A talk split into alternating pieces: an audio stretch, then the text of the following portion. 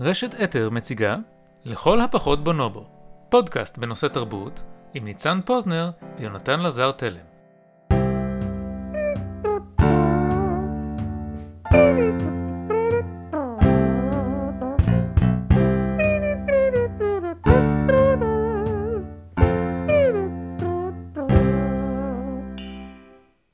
אהלן יונתן, מה עם ניצן? טוב תודה, ואתה? אה, בסדר, תגיד, אתה לא מוטרד מאוד? לא. למה שאני אהיה מוטרד יונתן? אה, לא יודע, קראתי, יש איזה עניין, רוסיה שיחקה בבחירות של האמריקאים. כן, אתה מתייחס לסיפור החדשותי שארצות הברית הגישה, אה, לא יודע, כתבי אישום, אה, צווי מעצר נגד אה, 13, נדמה לי, אזרחים רוסים שמואשמים בזה שהם ניסו להשפיע ולחבל בבחירות לנשיאות ארצות הברית בשנת 2016 באמצעות פייסבוק או טוויטר. אה, והאמת שיש שני פודקאסטים שעסקו בשנה האחרונה בנושא הזה בהרחבה, אחד אה, זה, רדיו להב הוציאו שבוע שעבר ממש פרק בעקבות הדבר הזה. נכון, שממש עוסק באופרציה הרוסית, Reply All עשו פרק ממש מרתק על כל התעשייה הזאת במקסיקו אני חושב, אה, והאמת היא שאילולא... לא, זה לא זה זה מדינה אחרת בדרום אמריקה. והאמת היא שאני, אילולא היו מדווחים על זה בפודקאסטים, אני פשוט לא הייתי יודע שזה דבר שבאמת קורה. כן, כי אתה לא צורך חדשות ממסדיות באופן עקרוני. אני רוצה להגיד שבמידה מסוימת בעקבותך, למרות שאימא שלי, היי אימא, אימא שלי הקדימה אותך בשנים, היא לא צורכת חדשות כבר שנים. אה, כן, אני לא המצאתי את הגישה הזאת. אה, אבל, אבל אתה עושה את זה מטעמים אחרים. למה, מאיזה טעמים אמא שלך עושה את זה? זה מלחיץ אותה או משהו? זה לא מעניין אותה? זה אחד הטעמים שאני עושה את זה. אוקיי, אני לא אוהב שמשחקים לי ברגשות.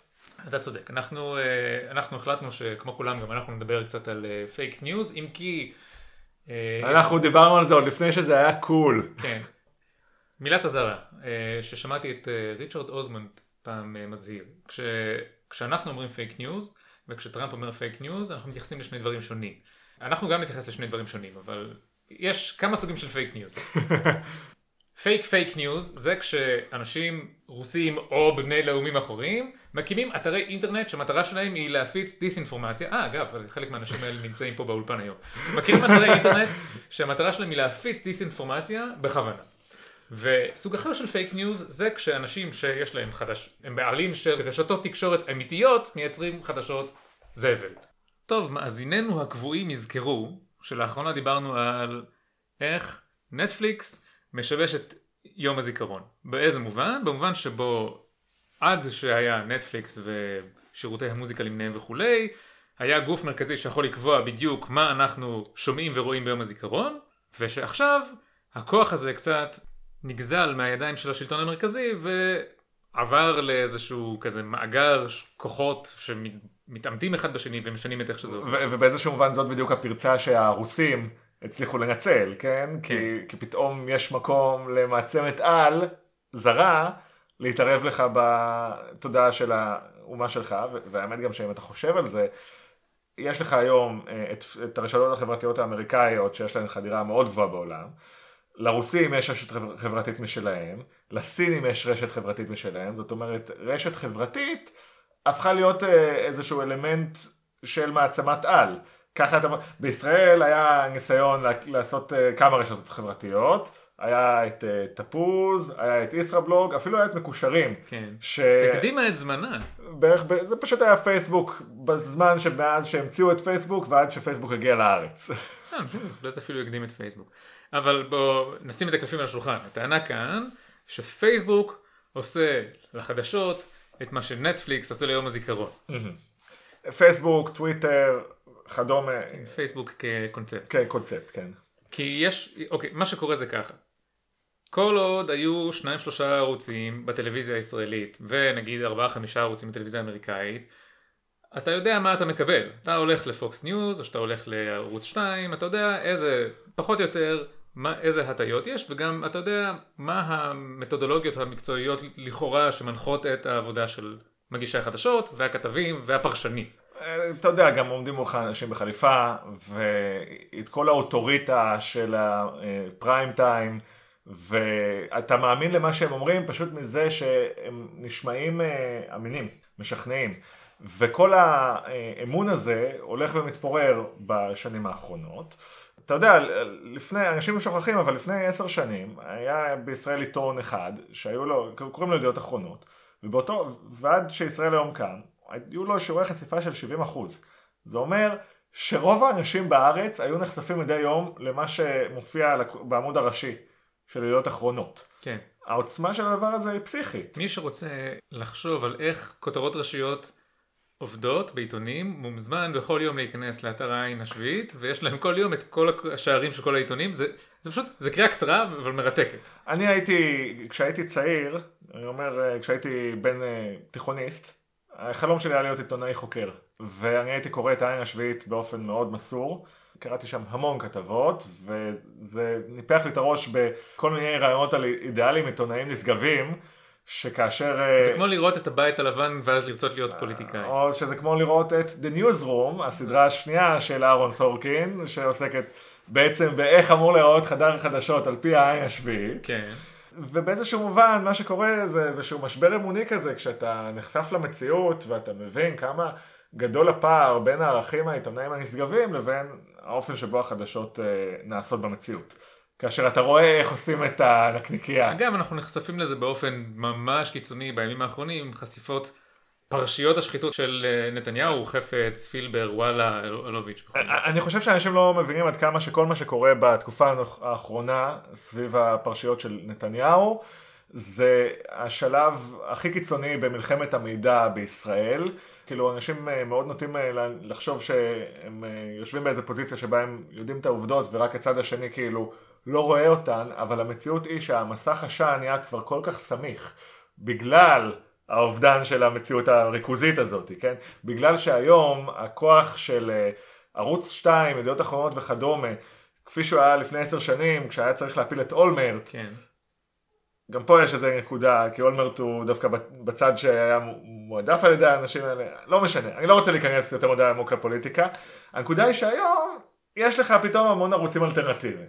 אז יש לך קודם כל את העיתונות המגויסת לצד של ביבי, יש לך את uh, רוטר, שזה עולם שלם של, uh, למי שלא יודע, זה מעין פורום כזה, שבו אנשים מפרסמים uh, ידיעות חסויות לפני שהצנזורה מספיקה להוריד אותן. יש לך פשוט אנשים... אגב, רוטר הביא את האקרוסטיכון מחדש ל... אקרוסטיכון זה הדרך המועדפת של אנשים ברוטר להוציא, זאת אומרת להמשיך לפרסם דברים אחרי שהם כבר אסורים לפרסום. האמת שאני לא הכרתי את זה, אה, יש לי חבר שהוא הצינור שלי לרוטר. אה. הוא פשוט שולח לי ידיעות מרוטר. כן. כן, אז מה שקרה זה שהיכולת, הגישה של אדם מן היישוב להקים היום רשת תקשורת, היא נהייתה יחסית נגישה, ולכן יש הרבה יותר פיזור וביזור של סוגי חדשות, חדשות בכלל, וחדשות של מחנות שונים, והחשיפה של כל אחד מאיתנו לכל סוגי החדשות האלה היא הרבה יותר פשוטה היום. וגם יש, אה, יש לדבר הזה השלכות הרבה יותר עמוקות מה, מעצם הפיזור של הכוח, כי בעבר היו גורמים שהיו מצליחים להתפרנס מדיווח, והיום זה לא מקור הפרנסה של העיתונות, הדיווח. אתה לא יכול למכור לאנשים יותר אינפורמציה בתמורה לכסף, כי הם רגילים לקבל את האינפורמציה בחינם. אז מה עושים? פרסומות. אז גם בעבר פרסום היה נתח מאוד משמעותי בעיתונות, אבל זה לא היה מקור ההכנסה היחידי. היום זה המקור ההכנסה היחידי, פחות או יותר, כי אף אחד, יש מעט מאוד אנשים שמוכנים עדיין להמשיך לשלם אה, מנוי, ובדרך כלל זה צריך ערך מוסף מאוד גדול כדי להצדיק את הכסף. היום המודל הכלכלי העיקרי של העיתונות זה פרסומות, ובפרט, ו- וזה מה שהמציא את כל התופעה שנקראת הקליק בט. כן, אוקיי? זאת אומרת, כל גוף תקשורת יש לו אינטרס עצום לחשיפה, ולכן הוא ימשוך אליו קהל בכל אמצעי שעולה על הדעת, גם במחיר של המקצועיות העיתונאית שלו. כן, קליק בייט, למי שלא שם לב, זה פיתיון קליקים, כן? זאת אומרת, כשאתה גולל בפייסבוק ומופיע לך עשר דברים ש... לא, או אפילו יותר טוב. לא יאמן מה ביבי אמר היום בזה. זאת אומרת, במקום לתת לך את הידיעה, נותנים לך את הפיתיון שמושך אותך לאתר, ששם מופיעות הפרסומות. בדיוק, כאילו, בדרך מהרגע שבו הם מייצרים לך את המתח, ועד שאתה מקבל את האינפורמציה עצמה, אתה נאלץ להיחשף למודעה. וכתוצאה מזה נוצר עולם שלם של מלחמות חימוש. אז מעבר לזה שלרובנו אני מניח יש חוסם פרסומות על הדפדפן שאמור למתן את ההשלכות כן. האלה. מה שעוד נוצר זה בתגובה תופעת האמלקים, שזה? ארוך מדי לא קראתי. בעצם שירות שהמטרה שלו היא אה, לספר לך מה יש בתוך הקליק בייט כדי שלא תצטרך ללחוץ. כן, אם כי, טוב, יש כאלה שהעמוד הוא איפשהו נופל בין לעשות את השירות הזה ממש לבין סאטירה. זהו, אני גם אה, אה, הבנתי באיזשהו שלב שזה המקור העיקרי שלי לקליק בייטים. כי אני לא הייתי... כי הוא עושה, הם משתפים לך את כל הקליק בייט. הקליק בייט היה אמלק, הבנתי שההטרדה, יש הרי איזה משהו, זה לוחץ לך על איזה כפתור במוח. הקליק האלה, כן. שהוא מגרה לך, אתה חייב ללחוץ, אתה פשוט כן, זה, אז פשוט הפסקתי לעקוב אחרי זה, אני גם יודע שיש אה, איזשהו ניסיון להפעיל איזשהו תוסף לדפדפן, שממש נותן לך בילט אין כבר את ה... כן. אבל יש עם זה בעיות, קודם כל, מי, מי שמאמלק, כלומר מי שמתקצר את הכתבות, הוא הרבה פעמים מכניס לשם, כמו שאמרת, רעיונות משלו. סאטיריים או פוליטיים. כלומר, אתה מכניס פה עוד מתווך לתמונה. בנוסף זה דורש הרבה מאוד עבודה של מתנדבים.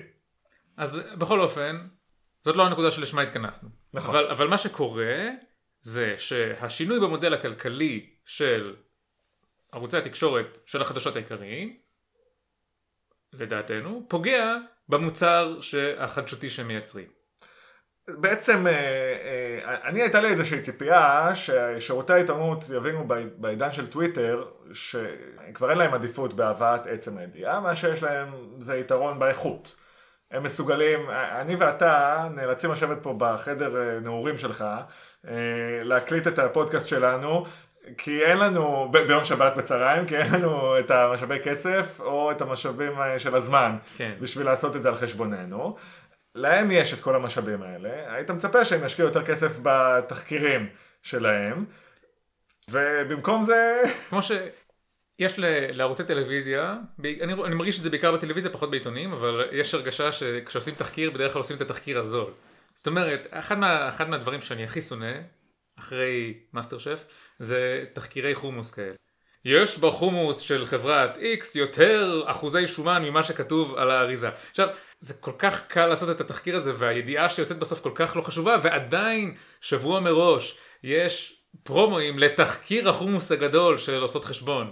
כן, אתה יודע, וזה, אתה יודע, התגובה גם הכי נפוצה על הדבר הזה, אם כבר מה שאתה הצגת עכשיו זה היוצא מן הכלל, כי אחת הסיבות שאנחנו רואים הרבה תחקירים על פוליטיקאים ולא כל כך הרבה תחקירים על אה חברות מסחריות, זה בגלל שכשיש לך עיתונות שהיא כל כך תלויה במפרסמים, היא לא רוצה לעצבן את המפרסמים. זאת אומרת, אם אתה פרסמת שבחומוס צבר, סליחה, בחומוס אה, אה, מוקי, לא יודע מה, יש, אה, אין מספיק אה, חלבונים, הוא לא עשוי ממספיק אחוזי חומוס, אז הם לא ירצו לפרסם אצלך. אני חושב שזה יותר מורכב מזה, זאת אומרת, הם יאיימו עליך מראש, ולא יחכו שתפרסם את התחקיר כדי אחר כך לגזול ממך את הפרנסה. אלמנט נוסף של, ה... של איך להביא אנשים לצרוך את התקשורת שלך למרות שאין לך תוכן מעניין לתת זה העצמה של הדרמה של כל אירוע הכי קטן שיש. זאת אומרת, ירד גשם בדרום, יום שידורי מיוחד, שיטפונות וכולי. כאילו העצמת השגרה. כן, יש נאום של טראמפ באו"ם, הנאום אורך 40 דקות, שש שעות שידור מיוחד, שלוש שעות לפני מכינים לקראת מה שהוא הולך להגיד, יש מדליפים את הנאום וזה, ואז שעתיים של פרשנויות לגבי כל פסיק שהוא אמר. למה? כי כשיש יום שידורי מיוחד, אז כולם צריכים להידבק למסך, אפילו בעבודה, במסך ליד, מופיע לך החדשות והפרסומות ככה מגיעות. אתה מכיר את זה שהמסך נמעך ויש פרסומת על חצי מהשליש מהמסך? תראה, אני לא יודע איך זה קורה במדינות אחרות, אבל בארץ זה ברור שזה קשור בעוד נושא פרטיקולרי לשוק תקשורת המקומי, וזה שדוברי עברית יש מעט, אמצעי שידור יש הרבה, והעלות של הפקה היא במקרים נדירות אה, מצדיקה את ההשקעה שלה, וכאשר, ולכן אה, ההפקה הכי כלכלית שמישהו יכול להפיק זה שידור חדשות. כי זה, יש לך, זה הפקת אה, חוץ, זה מיקור חוץ. כן. מכירים את המציאות, יש, הם כבר משלמים משכורת לעיתונאים, התחקירנים, אנשי השידור וכל הדברים האלה. אז מבחינתם, להפקיע עכשיו שש שעות מהלוח משדרים בשביל איזה הגיג של טראמפ, זה הדבר הכי משתלם שהם יכולים לעשות. כן, וגם אני חושב שבארץ יש מין כנראה בעקבות, אה, אתה יודע, ימי הפיגועים ומלחמות וכולי, יש באמת מין תרבות של כשיש שידור מיוחד, אז באמת כולם צופים בטלוויזיה. כן, יש אצלנו אה, ברדיו כל שעה חדשות, אני לא יודע אם זה ככה במדינות אחרות. יש מדינות שיש בהם ערוצים שמשדרים חדשות כל הזמן. אני מצפה שזה גם יקרה בישראל ביום מן הימים. אה, השאלה היא מה זה חדשות, גם, גם זה לא כזה ברור. אבל uh, התוצאה של uh, ימי שידורים, אתה התייחסת קודם לגשם בדרום. זה דבר שהוא לא רק בישראל, הבינו בשנים האחרונות שזה סוג של מלחמה, רק שבמקום שיהיה לך אויב, אתה נלחם באיתני הטבע, אנחנו קצת חזרנו לעת, לעת הקלאסית, כן. לימי הביניים, לא יודע מה. אני לא יודע, יש לדבר הזה גם השלכות. אה, אני לא יודע אם באמת האקלים הוא באמת יותר קיצוני בחמש שנים האחרונות, או שרק האופן שבו אנחנו חווים את האקלים הוא יותר קיצוני. טוב, לחזאים הפתרונים. לחזאים הפתרונים, כן.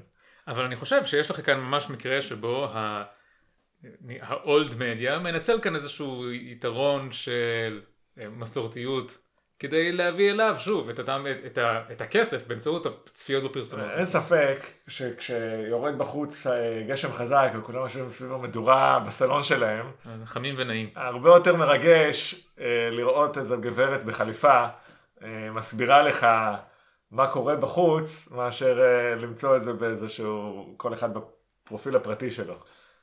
עכשיו, בעצם, למה לך להכניס כסף מפרסומות בעמוד שאתה מפרסם, ועוד לקחת סיכון שיקרה לך איזה מקרה מביך כזה, שאתה כותב על תחקיר חיידקים בחומוס ויש פרסומת לחומוס? כן, לא נעים. כן, אז הרבה יותר קל פשוט לקחת כסף מראש כדי לפרסם את הידיעות. כן, מה שבעבר אה, היה מוצג, אה, הייתה כותרת כזאת תוכן שיווקי, אם היית פותח איזה כפולה בעיתון, עורך דין יוצא מן הכלל.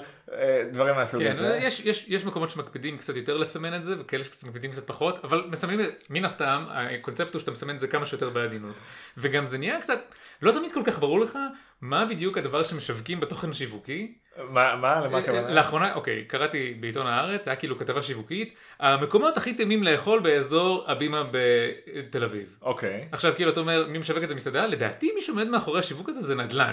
מה? כאילו בקטע של בוא תגור באזור של הבימה, יש שם את האוכל הכי טוב. אני לא מבין, כמה יותר ביקוש כבר יכול להיות שם. כן, לא, זה ממש ביזארי בעיניי, שכאילו זה מה ש... שוב, זה לא, זה לא כתוב בשום מקום, מי משלם, כתוב רק שזה תוכן שיווק. המערך של האינטרסים שעומדים מאחורי כל פיסת מידע שאתה צורך היום הוא בלתי נתפס. עכשיו, אתה יודע, גם יש לך תחומים, אחת הגזרות שבהן הסיפור הזה של תוכן שיווקי הכי בוטות, זה כל העולם של הבריאות, הרפואה והתזונה. דוחפים לך ככה שסוכר זה בריא, שהומאופתיה זה מצוין, והכל עם אפס גילוי נאות. יש גם איזו אה, גברת אחת, לא אגיד את שמה, כי אנחנו פודקאסט קטן, ואין לנו, כאילו, אנחנו לא יכולים לעמוד בתביעת לשון הרע, אבל היא מציגה את עצמה כדוקטור. והיא כותבת טקסטים על אה, בריאות, ונגד חיסונים וכדומה. רק שוכחת להציג את הגילוי הנאות. היא דוקטור ל... תקשורת. תקשורת. שלעניות דעתי, זה בצורה מאוד גבולית, בדיוק עובר או לא עובר על החוק נגד התחזות. כי להציג את עצמך בקונטקסט רפואי כדוקטור, בלי להגיד שהדוקטורט שלך הוא בתקשורת. כן, אבל לפחות במקרה שלה אתה יכול להגיד שלא בטוח שהיא עושה תוכן ממומן, היא מקדמת בעיקר, אם, אתה יודע מה, היא מן הסתם גם יועצת באופן פרטי בעניינים. אין לי שמץ של מושג, אה, אבל אני אגיד את הדבר הבא. קראתי לא מזמן איזשהו תחקיר שמצא שאחוז עצום מהידיעות שאנחנו רואים, משהו כמו 10-20 אחוז, ממומנות. וצריך להגיד בהקשר הזה... מאות ואלפי ידיעות בכל חודש שמתפרסמות, הן פשוט לא ידיעות. צריך להוסיף בהקשר הזה, לא כל הידיעות הממומנות הן ממומנות, ממומנות על ידי גופים עסקיים. נכון. יש גופי ממשלה קונים תוכן ממומן, משרד החינוך. כן, אחד הסיפורים הידועים זה שבתקופה הקצרה של לפיד כשר אוצר ופירון כשר חינוך, משרד החינוך שם כמה מיליונים לפרויקט משותף עם ידיעות אחרונות. מן הסתם כש... אני מקווה שזה ברור לכם לחלוטין, איך תוכן ממומן הוא תוכן פחות איכותי מבחינה עיתונאית. חד משמעית, ובאיזשהו מובן גם התוצאה, יש לכל הדברים האלה שציינו עד עכשיו, השלכות הרבה יותר רחבות, כי זה משפיע על כל התפיסה של העיתונאי, את תפקידו בעולם כעיתונאי. כי כאשר אתה רגיל לזה, שכל הזמן מנחיתים עליך מלמעלה, שאתה צריך עכשיו לנקוט קו מערכתי מסוים, אתה שוכח, השליחות העיתונאית שלך לדבר אמת הולכת ונשחקת בצורה מאוד חריפה. עוד דבר שקרה כתוצאה מהמשבר הכלכלי שהעיתונות עברה בשנים האחרונות, זה חילופים מאוד אה, חריפים של אה, נקרא לזה כוח האדם, ובאופן כללי של העיתונות. זאת אומרת, הרבה מאוד עיתונים ותיקים מצאו את עצמם מפוטרים, ובמקומם הביאו חבר'ה צעירים. עם השכלה מאוד מוגבלת אם בכלל, היכרות מאוד מוגבלת של המערכת. אגב, הדבר הזה הוא חל לא רק על עיתונאים, גם uh, כל תחומי ההגייה והעריכה קוצצו בצורה מאוד חריפה. והיום, התוצאה היא שהיום מי שמסקר את uh, תחומים מאוד משמעותיים, נאמר כלכלה, הם אנשים עם רקע מאוד מוגבל, כן? זה אנשים שבדרך כלל לא למדו כלכלה. הם לא מלווים בדרך כלל על ידי עיתונאים שיש להם בעצמם רקע כלכלי. ואין להם את הכלים בשביל אה, לנתח בצורה ביקורתית או בצורה נכונה אפילו את התכנים שהם משדרים. והרבה פעמים אה, מה שקורה זה שמספרים את מה שהם מספרים לא מתוך איזשהו ניתוח עמוק, כמו מתוך איזשהו איתות פנימי כזה בתוך הברנז'ה שלהם. יש לך עיתונאים שהם במודע מסוימת כולם הגיעו מאותם שני בתי ספר, כאילו גלי צה"ל והמכללה הזאת שיורים עליה קסאמים. ספיר. ספיר. ו... יש ריקונבנשנס די ברורים לגבי איך עושים עיתונות בארץ. ריקונבנשנס, סליחה? כאילו, אה, אין כזאת מילה? לא, אולי, אני לא כאילו, מבין אותה. יש, יש איזושהי הנחה לגבי מה מרכיב את העיתונאי, נכון? מה מרכיב את ההיסטוריון, הוא כנראה או שהוא שלמה זנד או שהוא שמאלני, כאילו, מה מרכיב את העיתונאי, הוא לובש עניבה, הוא דעתן, הוא כנראה ביקורתי כלפי ממשלת הימין, אלא אם כן... הוא אוהב את אה, ארצות הברית, הוא, הוא בעד האפיליאציה שלנו לאמריקאים, הוא נגד האפיליאציות שלנו למדינות אחרות. ומה שמודד אותך כ... כעיתונאי מוצלח הוא לא התוצר העיתונאי שלך כפי שהוא נמדד למשל יחסית אה, האופן שבו הוא מתרגם נכון או מעביר מידע, מידע שימושי ומדויק אלא כמה אתה נראה כמו עיתונאי, כמה אתה, אתה מספק לצופה איזשהו צורך שמי שמדבר אליו, או הקורא, כן, יהיה כאילו בר סמכות, ובמובנים מסוימים אתה נמדד גם כמה כסף אתה מכניס לגוף התקשורת שאתה עובד בו. בעצם אתה אומר, אה, העיתונאים, הם יותר משהם מנסים לספר לי משהו על העולם, יותר ממה שהם מנסים אה, לגרום לי להבין יותר טוב למה הדברים קורים, אה, ובהרבה תחומים העיתונאי הוא הצינור היחיד שיש לי, כן? לא משנה כמה למדתי לנתח את המערכת הפוליטית בישראל, אני לא אוכל בלי גישה לאינפורמציה שלכאורה לעיתונאי יש גישה עדיפה אליה. בוודאי שיהיה לי הרבה יותר קשה לנתח את היחסים הבינלאומיים בעולם מלמישהו שזאת ה-so called מומחיות שלו. אבל במקום לתווך לי את הדברים האלה, הם נמדדים בעד כמה טוב הם מהדהדים אחד את השני. הם אה, יוצרים איזשהו איתות כזה הדדי של כן, גם אני חושב שטראמפ זה רע, אובמה זה טוב, צריך הסכם שלום. כן, או להפך. בכל אופן, אנחנו נמצאים בעידן שבו אם אתה צרכן תקשורת ממוצע ומעלה, אתה תוכל די בקלות להצביע על קו המערכת של גוף תקשורת. כן. וקל לבוא ולהגיד, אני, דוב גילהר, הלכתי לראיין את ביבי וגנזו לי את הרעיון. פחות קל להצביע על המקומות שבו יש צנזורה עצמית, שבהן עיתונאי צעיר או, או עיתונאי סתם שאין לו סבלנות וכוח.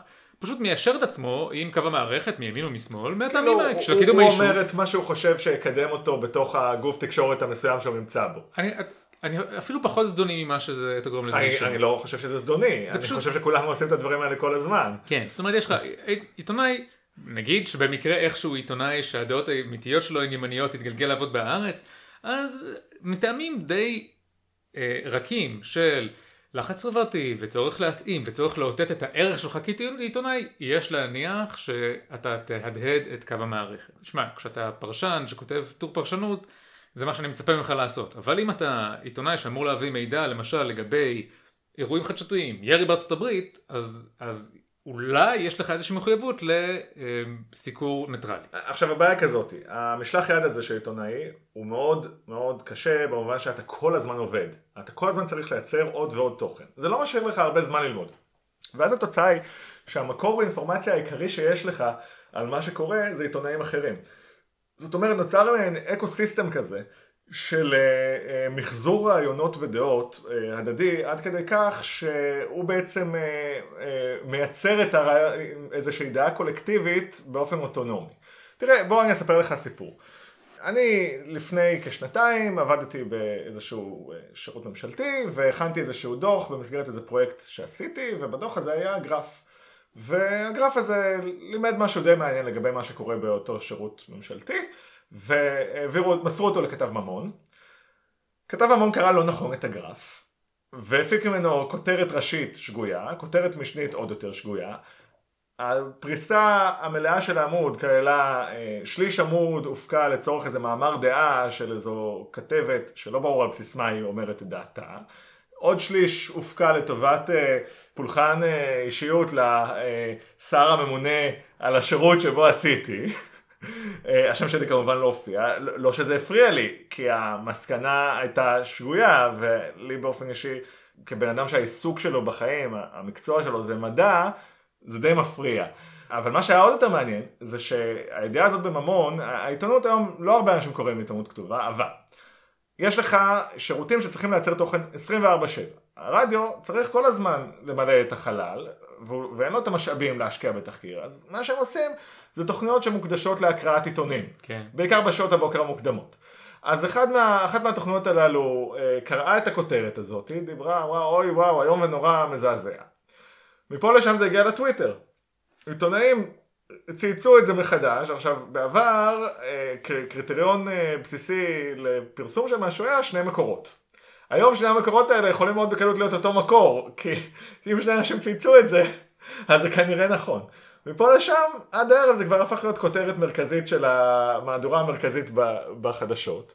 וכל זה בגלל שאיזה כתב אחד קרא לא נכון גרף. עכשיו אפשר להסתכל על האירוע הזה, הספציפי הזה, ולהגיד, יש כאן רשלנות. הכתב לא קרא נכון את הגרף, אבל אפשר גם לחשוב שהוא לא במקרה לא קרא נכון את הגרף. יש לו... הוא, הוא, הוא העבודה שלו היא לספק מידע כדי למלא את קו המערכת, הוא מצא גרף שהיה אפשר לפרש אותו. שוב, זה לא בקטע זדוני, כן? הוא מראש ערוך כדי לקרוא את הגרף הזה, כדי לשרת את הקו המערכתי של העיתון. שזה סנסציה, דבר ראשון, ודבר שני הרבה פעמים זה אוי לא, ממשלת ישראל נכשלת בתפקידה. בדיוק, אז, אז יש לך, אתה יודע, אתה כמדען קל לך להגיד כל גרף אפשר לקרוא אותו רק באופן אחד, אבל אני כהיסטוריון אומר לך אין דבר כזה. וכל... אני רוצה לציין שאני לא אמרתי את מה שאמרת, אבל כן. בסדר, קל, קל היה יכול להיות לך להגיד. אבל אין דבר כזה, זאת אומרת כל מידע, בטח כשהוא מועבר באמצעים תקשורתיים, הוא מפורש, ולכן הגרף שלך היה אפשר לצפות מראש שכל כתב חדשות היה מפרש אותו על פי הקו המערכתי לא מטעמים זדוניים, אלא כי ככה הוא היה קורא אותו, מכיוון שהאו"ם ערוך בשביל להוציא סוגים כאלה של כותרות סנסציוניות מכל מידע שתביא אליו. אז בוא אני אשיב לך בדוגמה אחרת. לפני שנה ויותר קרה בלתי נתפס, ונבחר לנשיאות ארה"ב דונלד ג'יי טראמפ. לכאורה דבר שבוא נאמר כל מי שצרך אה, תקשורת ממוסדת בנקודה כלשהי בעולם המערבי, פשוט לא היה ערוך באופן טוטאלי לרעיון שהדבר הזה יקרה. אלא מה, שאם היית מסתכל על הגרפים של ה... או על הסקרים שפורסמו טרום הבחירות בצורה טיפה יותר ביקורתית, היית יכול להבין שהאירוע הזה, על אף שהסיכויים שלו נמוכים מסיכויי הבחירה של הילרי קלינטון, הוא לא בלתי נתפס. לצורך העניין, האתר 538, האתר של אה, נייט סילבר, נייט סילבר, תודה ניצן, אה, שהוא ידוע בהצלחות הרבות שלו בבחירות אה, הנשיאותיות של 2008 ו-2012 הצליח לחזות באופן די מדויק את כל התוצאות. כן. נייט סילבר הגיע מעולם התחזיות בספורט. כן. ואז התחיל, ובגדול מה שהם עושים הם לוקחים את כל הסקרים האחרים ועושים שם תרגילים סטטיסטיים כדי להוציא תוצאות יותר מדויקות. אה, וגם צריך להגיד שהסקירה בארצות הברית מהרבה בחינות הרבה יותר קלה מאשר בישראל. אני לא אלאה אתכם בזה, כי זה לא פודקאסט על סטטיסטיקה. אבל יכול להיות שיום אחד אני וחגי מהספינר אה, נעשה איזה משהו בנידון. הנקודה היא כזאת, הוא נתן תחזית שאומרת יש סיכוי של 70% שקלינטון תנצח. זה משאיר לנו 30% שטראמפ ינצח. עכשיו, 30% זה לא כזה נמוך. כן, זה גם תלוי באיך אתה מציג את המידע. הרי בחירות, זה, יש בחירות לנשיאות, אבל נדמה לי במקביל יש גם בחירות לחלק מהמושבים ב... פוליטיקה אמריקאית זה לא הגזרה שלי. לא, אבל מה שאני אומר, אה, בטח שקוראים בארץ, שרגילים לראות בבחירות נתונים לא על הסיכוי לנצח, אלא על גודל המפלגה, קל להגיד, אוקיי, לא 70% שהיא תנצח, היא תנצח ב-70% מהקולות. שזה לא מה שהגרף שלהם אומר, וזו כן. פרשנות קלה מאוד לטעות בה. אה, מצוין. זאת אומרת, אתה אומר, היא הולכת לנצח, והיא הולכת לנצח בגדול, 70% מהאמריקאים הצביעו לו, זה לא נכון. רק ב-70% מהמקרים היא בכלל מנצחת. תשמע, מה שאתה אומר זה מעולה. כי, תראה, אני לא מצפה מכל בן אדם בעולם לצפות בגרף הזה ולהבין שהמשמעות של זה שקולה ללקחת אקדח עם שישה, עם שישה מקומות לכדורים, לתאור אותו בשני חורים, לסובב ולירות, אוקיי? כשאני שמתי את זה באנלוגיה הזאתי, ברור לכולנו שהסיכוי להפסיד ברולטה הרוסית הזאת הוא די גבוה. אני כן מצפה מהעיתונאי שתהיה, שיהיו לו את הכלים בשביל לתווך לצופה את התובנה הזאת. ואם העיתונאי הוא בעצמו לא מבין ונתקף הלם ותדהמה, והביקורת שיש לו היא כלפי הסוקרים, זה מרמז שאנחנו נמצאים במשבר.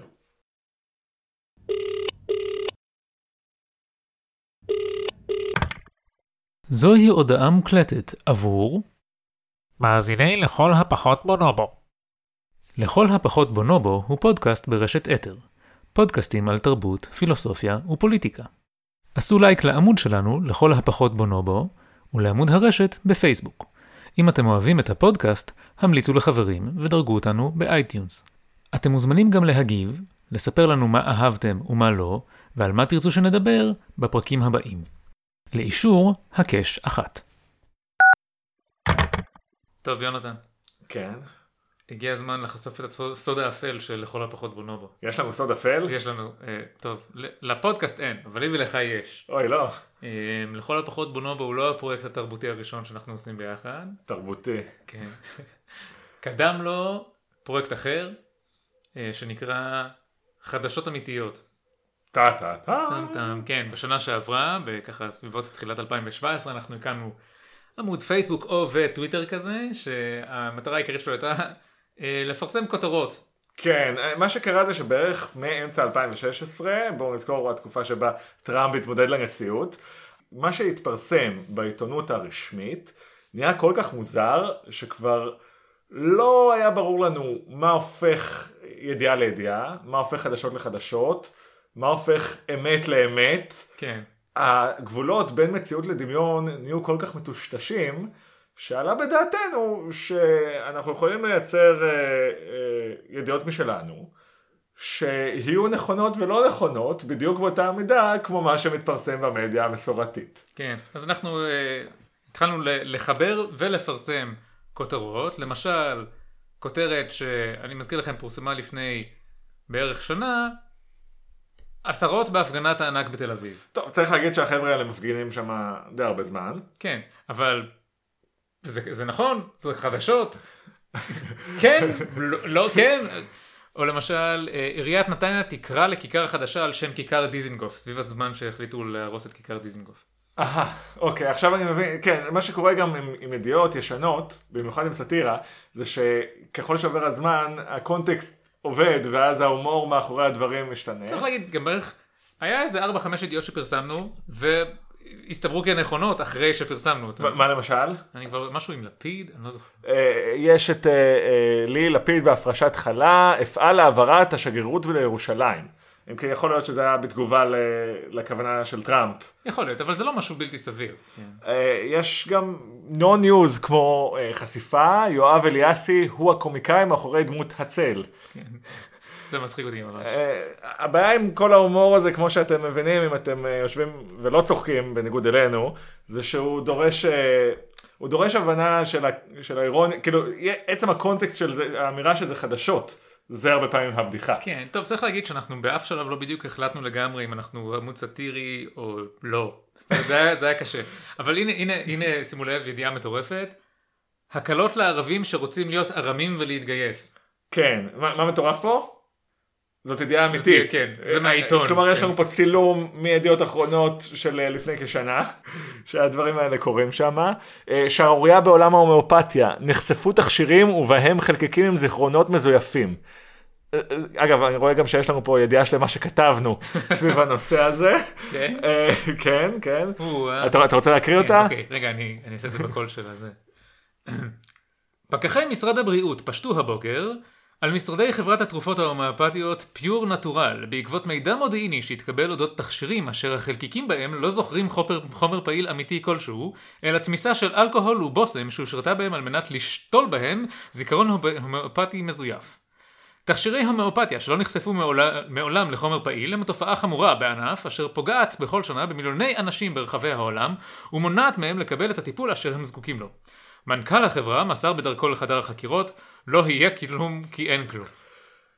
בואנה יונתן המציאות לא משתנה אנחנו כבר שנה ועומדים במקום. כן. העמוד הזה לא הצליח כל כך. לא למה לא? בתור התחלה הוא לא היה כל כך טוב כנראה. כן. כאילו, אני מבין שאותנו זה נורא מצחיק ואנחנו מאוד נהנים להתמוגג עכשיו על הזיכרונות מאז. אה, אני חושב שהקהל לא התחבר, אבל לא רק בגלל זה. כל, כל אחד שמייצר תוכן אה, ברשתות חברתיות מרגיש בשנתיים האחרונות שינוי דרמטי ב, בלוחות הטקטוניים שמניעים את, ה, את העולם הזה, הרבה יותר קשה להגיע לקהל מפעם. המודל הכלכלי של טוויטר לא באמת עובד, הם לא מרוויחים כסף. והמודל הכלכלי של פייסבוק באופן די אקטיבי, אוקיי, הנה הסוד הגדול, פייסבוק מכניסים כסף, לא מפרסומות, אלא מיצרני תוכן. כן, יש להם איזשהו היגיון הפוך מהסוג הזה. אוקיי, אני אלך צעד אחורה נוסף. נאמר שאנחנו לא היינו משדרים את זה בתור פודקאסט, אלא היינו משדרים את זה ביוטיוב, בתור וידאו. ונאמר שהיינו דוברי אנגלית, אז היה לנו קהל יותר גדול מ-100 איש. בואו נאמר, תכפילו את זה ב-300. אוקיי. עדיין- 30 אלף אנשים. כן, אם היינו מדברים באנגלית, זה מספיק כדי להרוויח כמה אגורות בחודש. כי יוטיוב משלמים כסף למי שמייצר מייצר תוכן. תוכן, כי בין השידור שלנו לשידור הבא יש פרסומת.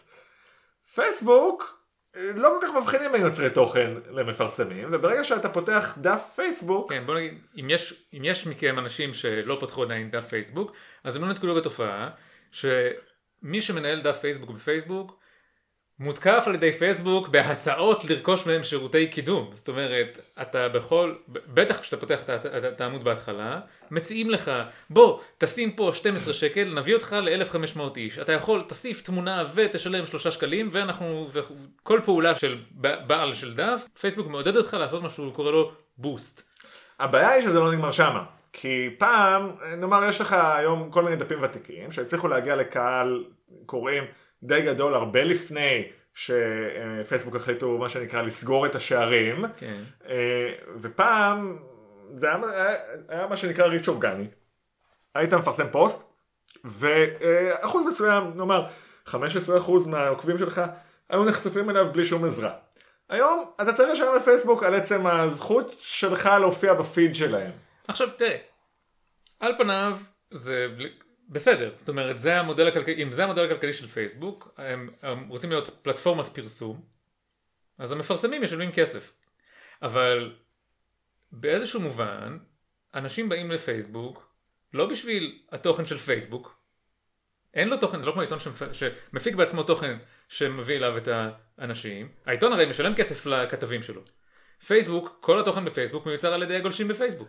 יותר מזה, פייסבוק עשו משהו די, די מלוכלך, כי הם אה, הגיעו לאן שהם הגיעו תחת איזושהי אה, הבטחה שהם אה, פלטפורמה, הם גם מסרבים לקחת אחריות על אה, כל הנזקים שהם גורמים לעולם, כל ההשלכות של הפעולות שהם עושים, א- אין להם שום מחויבות לאתיקה עיתונאית מהסיבה הפשוטה שמבחינתם הם לא גוף תקשורת, הם פלטפורמה. ואמרו אנחנו מקום, אתה יוצר קטן, יש לך, לא יודע, קומיקס, יש לך בלוג, אל תכתוב אותו באתר שלך. תשים אותו אצלנו, אנחנו נדאג לזה שיהיה לך קהל. אוקיי, אז אני ואתה, אנחנו עובדים בהתנדבות, בשביל הכיף שלנו. יש לנו קהל מאוד צנוע, אנחנו מרוצים ממנו. אוהבים כל אחד ואחת מכם. כן, אנחנו גם מכירים את רובכם באופן אישי. כן. היי מאיר. כן, בדיוק. יש מאיר? יש מאיר. היי מאיר, נעים להכיר. אה, בקיצור, אה, יש לנו אה, קהל די קטן, אבל יש אנשים שהפרנסה שלהם וכל הקריירה שלהם מבוססת על שיווק. עכשיו, הם הרגילו את המשתמשים לצרוך את האינטרנט אך ורק דרך האקווריום הקטן שלהם. מצד שני, הם הרגילו יוצרים, פעם היה לך mailing list, היה לך מה שנקרא RSS, שזה מעין פיד כזה שמאפשר לך להיות מנוי לאתרים. כן, היה לך אתר אינטרנט? אה, לי באופן אישי לא. לא, אבל פעם היה לך אתר אינטרנט, היום לא תמיד כן. יש. הייתי, מה, אני, היה לי בעבר קורא RSS, שככה הייתי צורך את כל ה... ככה הייתי צופה בעין השביעית, קורא את העין השביעית, כמו שציינתי קודם. והם פשוט סגרו את הדלת, ועכשיו, זה לא שיש לנו ברירה, כן? אז, אז עם חדשות אמיתיות, מה ניסינו לעשות? אה, ראינו שאין תפוצה. ניסינו לעבור לטוויטר. הבעיה שאנחנו לא כל כך אה, מתחברים. לא כל כך מתחברים לטוויטר, אה, לא יודע למה, פשוט לא כל כך הצליח לנו. אבל זה לא הצליח, אה, ומה שקורה היום זה שפשוט כאילו אין איפה לפרסם. אה, אז יש לך נאמר שירות כמו Funny or Die, מכיר אותם? הם אה, מי שאחראים על הסדרה אמריקן ונדל למשל.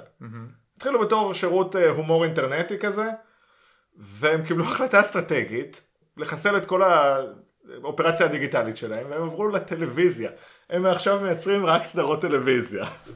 צריך להגיד עוד משהו שאני, שאני חושב עליו עכשיו. המודל הזה של פייסבוק, זה מה שבסופו של דבר נתן את הכוח לשלוש עשרה האופרטיביים הרוסים האלה, וכל האנשים שעבדו אצלם, מכיוון ש... פייסבוק שהייתה אמורה להיות מין פלטפורמה שוויונית שעכשיו אנחנו מדברים ב... אנחנו מדברים על זה באופן שלישי, שלילי אבל כאילו בשבחה של איך היא מצליחה לבזר את, ה... את אמצעי התקשורת בסופו של דבר נתנה מקום לביטוי בעיקר למי שהיה מוכן לשים כסף בשביל לפתח ריץ' לא אורגני. יש פה עוד עניין, פייסבוק מייצרים רווחים לא רק על ידי זה שהם אה, סוחטים נקרא לזה ככה אה, יוצרי תוכן כמוני וכמוך שתלויים בהם כדי להגיע לקהל או יוצרי תוכן הרבה יותר גדולים היום כל אה, גוף תקשורת שצריך להגיע לקהל צריך לשלם להם. שלא לדבר על כל פוליטיקאי שצריך להגיע לקהל. חד משמעית. הם גם עושים את זה על ידי מניפולציות מאוד חריפות על התוכן שאני ואתה צורכים בתור צרכנים. זה אומר שהם אה, מכניסים אותנו למעין אה, אקווריום כזה, שבו הם משדרים לנו אה, לא בהכרח את מה שהיינו רוצים לראות, אם פייסבוק היו שואלים אותנו, והם שואלים אותנו גם, כי אתה יכול לסמן לאיזה דפים אתה עושה, רוצה לקבל מהם תוכן, כן. זה לא אומר שאתה תקבל אותם. יש להם עוד כמה שיקולים בתמונה, שהמטרה שלהם היא, אחד, למכר אותך, כלומר, לייצר איזושהי תחושה שכל הזמן גורמת לך לרצות לגלול עוד ועוד, ולא להניח את הטלפון בצד, והם לומדים את ההרגלי שימוש שלך, ומתאימים את הפיד בהתאם.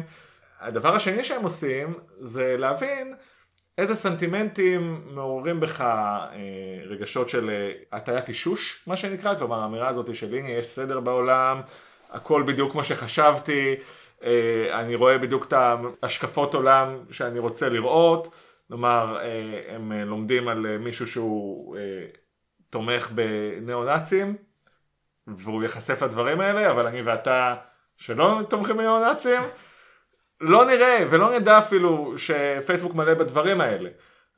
וכל הדברים האלה נועדו על מנת לייצר איזושהי אווירה צרכנית, על מנת לייצר איזושהי תחושת אה, הזדהות עם מה שאתה רואה.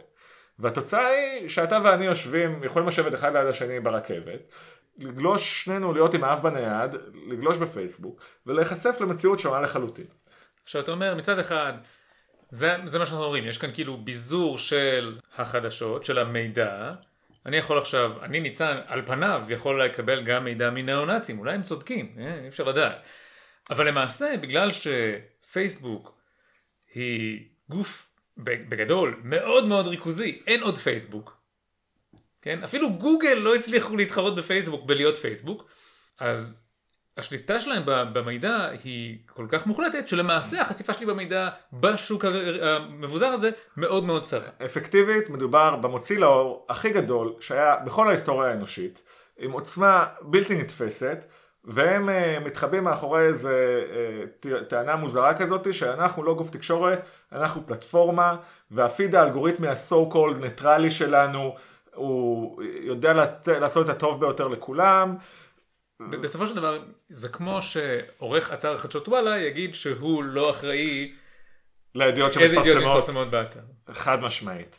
ואני חושב שכולנו יכולים בימים האלה סביב כל הפרשיות שחיתות של נתניהו אה, לראות את הנזקים של המציאות הזאת. כי נוצר מצב שכל אחד מאיתנו בהתאם להשקפה הפוליטית שלו נחשף שוב ושוב רק לידיעות שמחזקות את התפיסה שלו ופתאום היכולת לייצר איזשהו נרטיב משותף נרמסה לחלוטין. או שלא, מכיוון שאנחנו לא יכולים להכחיש שלעולם ה fake news יש הרבה מאוד כוח ואני חושב שזה משום שלמרות שאתה ממשיך לקבל מידע שהוא, איך הוא, אה, אצור, curated, כן. כדי לשרת את ה... אצור באלף, כן? כן, כדי, כדי להמשיך לשרת איזושהי דעה שאתה מחזיק בה מראש, אבל יש כאן התוצאה של הביזור שפייסבוק מייצר, שפייסבוק לא מביא לי חדשות רק מעיתון הארץ ומידיעות אחרונות שהם שניהם שמאלניים, אלא גם מכל מיני אתרים קטנים ולא חשובים שכולם מסכימים איתי, אבל התוצאה היא הידרדרות משמעותית של המוצר העיתונאי. ושל האמון שלך בעיתונות כקונספט. אה, לפני סיום אני רק רוצה אה, להמליץ על ספר בשם Weapons of Math Destruction, סליחה על ההגייה הקלוקלת שלי, הכוונה לכלי נשק של מתמטיקה הרסנית, אה, שהוא מדבר בפירוט רב על האלגוריתמיקה הזאתי. אה, אנחנו נשים קישור. אה, וואו, אוקיי. אה, אני שמח שהוצאנו את זה. כן, זה ישב לנו במגירה הרבה זמן. תודה רבה לכם על ההאזנה, אנחנו אה, נתראה בקרוב. כן, ביי ביי. ביי ביי.